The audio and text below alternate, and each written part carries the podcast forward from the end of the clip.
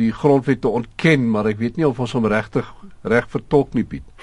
Ja, ek ek dink een van die goed wat hy uh uh nie sê nie is dat hy noodwendig voorkeur gee aan die Christelike geloof as 'n narratief of as 'n manier om morele waardes te plooi in Suid-Afrika, maar hy sê inderdaad dat godsdiens in die sê net maar in die staat of die die wette van die land en die godsdienstige interpretasie van uh van die, samelewing moet nader mekaar kom 'n manier om gedrag te determineer. Met ander woorde, mense sal minder moorde pleeg, minder misdaad pleeg indien dit 'n dominante narratief is en indien dit die manier is hoe hulle na hulle eie lewe kyk.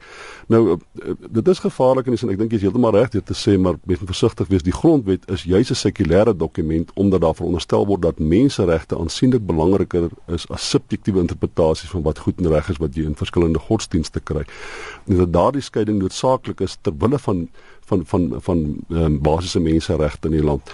Nou uh, uh van die godsdienst waar, waarmee Mogoeng Mogoeng geassieer word, ontken bepaalde uh menseregte wat uh, eie is in ons grondwet. Byvoorbeeld, ek dink uh, die reg om jou eie seksuele gedrag uh uh te verstaan soos jy wil. So ja, dit is dit is 'n gevaarlike ding wat hy sê. Ja, dit ondermyn as dit ware die grondwet. Ek dink daar sit 'n regter, 'n gay regter binne in uh binne in die in die grondwet hof, uh, Justice Cameron, uh, wat waarskynlik 'n geweldige aksie sal wil neem in terme van uh, die interpretasie wat die hoofregter hier aangee. So ja, dis die, die dit is 'n dit is dit is 'n dis 'n baie moeilike situasie waarin waarin die hoofregter ons plaas in terme van ons grondwet. Nee, is niemand wat maak jy van dit?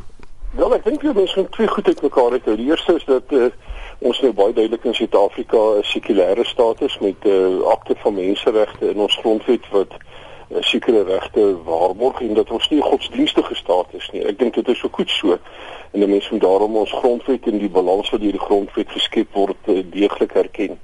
Uh, dit is juist die kernwoord ook in hierdie hele gesprek dink ek balans want jy kan tog ook nie die rol wat godsdienst in die samelewing speel ontken nie dat die, ook die basiese vorming van moraliteit en die feit dat uh, die verskillende godsdienste in ons land almal op 'n manier bydra tot dit wat uh, deur die hele bevolking as sekere morele waardes en goed en reg uh, beskou word uh, godsdienst speel 'n wesenlike rol daarin.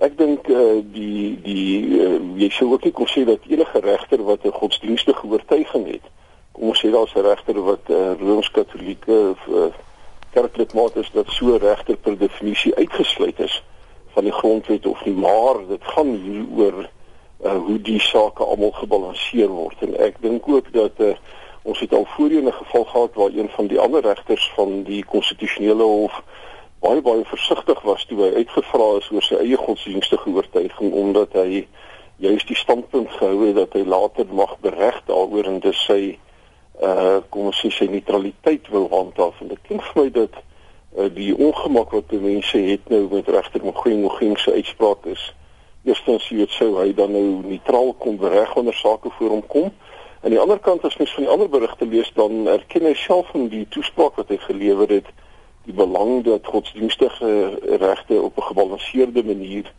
uh vertolk moet word en dat godsdienst op 'n positiewe manier kan help om moraal te vorm kan 'n mens uh, moraliteit deur wetgewing afdwing? Uh, wel, ek wetgewing word jy so geskryf dat 'n mens hulle self op 'n bepaalde manier moet gedra. Kom ons veronderstel dat dit dit 'n bepaalde teoretiese moraal morele model verteenwoordig. Jy mag nie doodmaak nie, jy moet uh verdraagsaam wees teenoor jou buurman. Jy moet sy feit dat hy 'n ander godsdienst behoort moet jy kan respekteer. Daardie waardes is universeel. Dit word reeds in die grondwet uh, ondervang en dis 'n dis belangrik om te argumenteer. Miskien is dit 'n manier om bepaalde waardes te vestig in 'n samelewing.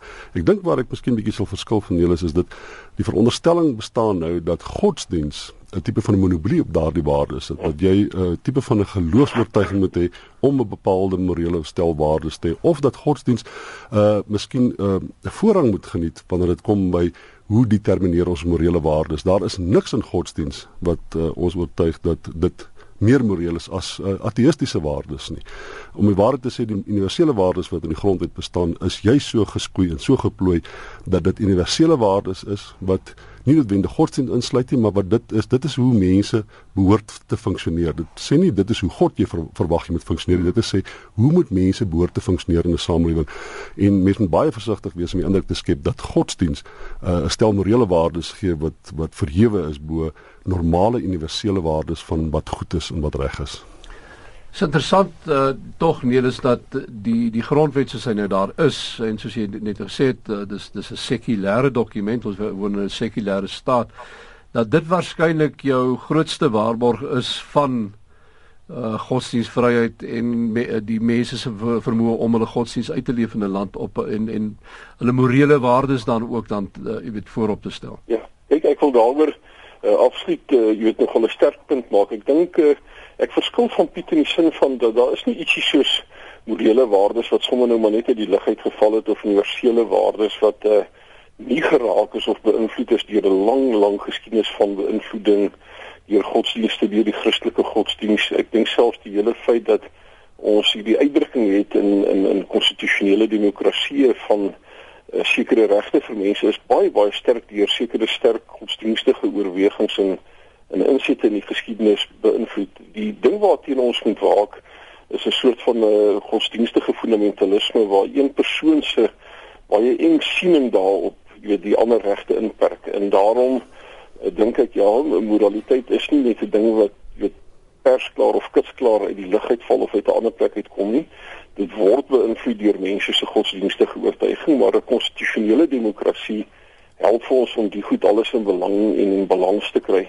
En dit sou die saak wees waarvoor 'n mens baie baie sterk wil pleit dat uh, ook wanneer jy weet belangrike persone soos regters uitsprake maak en sodat dit hierdie baie baie groot sensitiwiteit uh sal jy weet in balans sal hou en ek wil daar saam met die opmerking stem wat wat Pieter gesuggereer het dat 'n mens moet uh, versigtig wees dat een spesifieke uitkyk naderhand tot 'n uh, norm verhef word. Dis hoekom ons 'n uh, konstitusionele hof het om al hierdie goed in balans te bring en die wigte en die teewigte te weervat en maar weet jy eenvoudige gevalle soos as sekere godsdienste die reg tot uh, manlike besnydenis uh, kies en daarop na jy weet dat dat dit sou uh, verdra word deur die breë publiek maar daar is baie baie ernstige beswaar teen byvoorbeeld vroulike besnydenis en dit word nie maklik uh, jy weet verdra in die samelewing nie en op 'n manier kom 'n mens by 'n balans want daarvoor het regters in die konstitusionele hof baie wysheid nodig ek dink ook hulle het 'n gesonde dosis van net kom ons sê uh, balans en hulle nie vooraf te maklik kompromiteer tot standpunte nie nodig.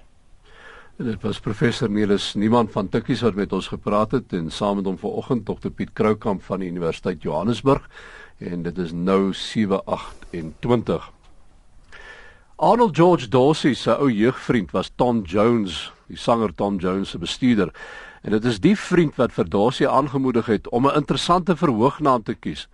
En so gaan gryp hy toe 'n naam uit die verlede uit. Dit is 'n dit was 'n bekende Europese komponis se naam en so ontstaan Engelbert Humperdinck. Ja, hy het reeds in die laat jare 50 begin sing, maar sy sukses is sy opnames van die jare 60. Humperdinck het ook in Amerika gewild geword met sy konserte en TV-optredes en hy sê dat 1964 met Patricia Healy getroud en hier is Engelbert Humperdinck in 1968 met sy treffer A Man Without Love. I can remember when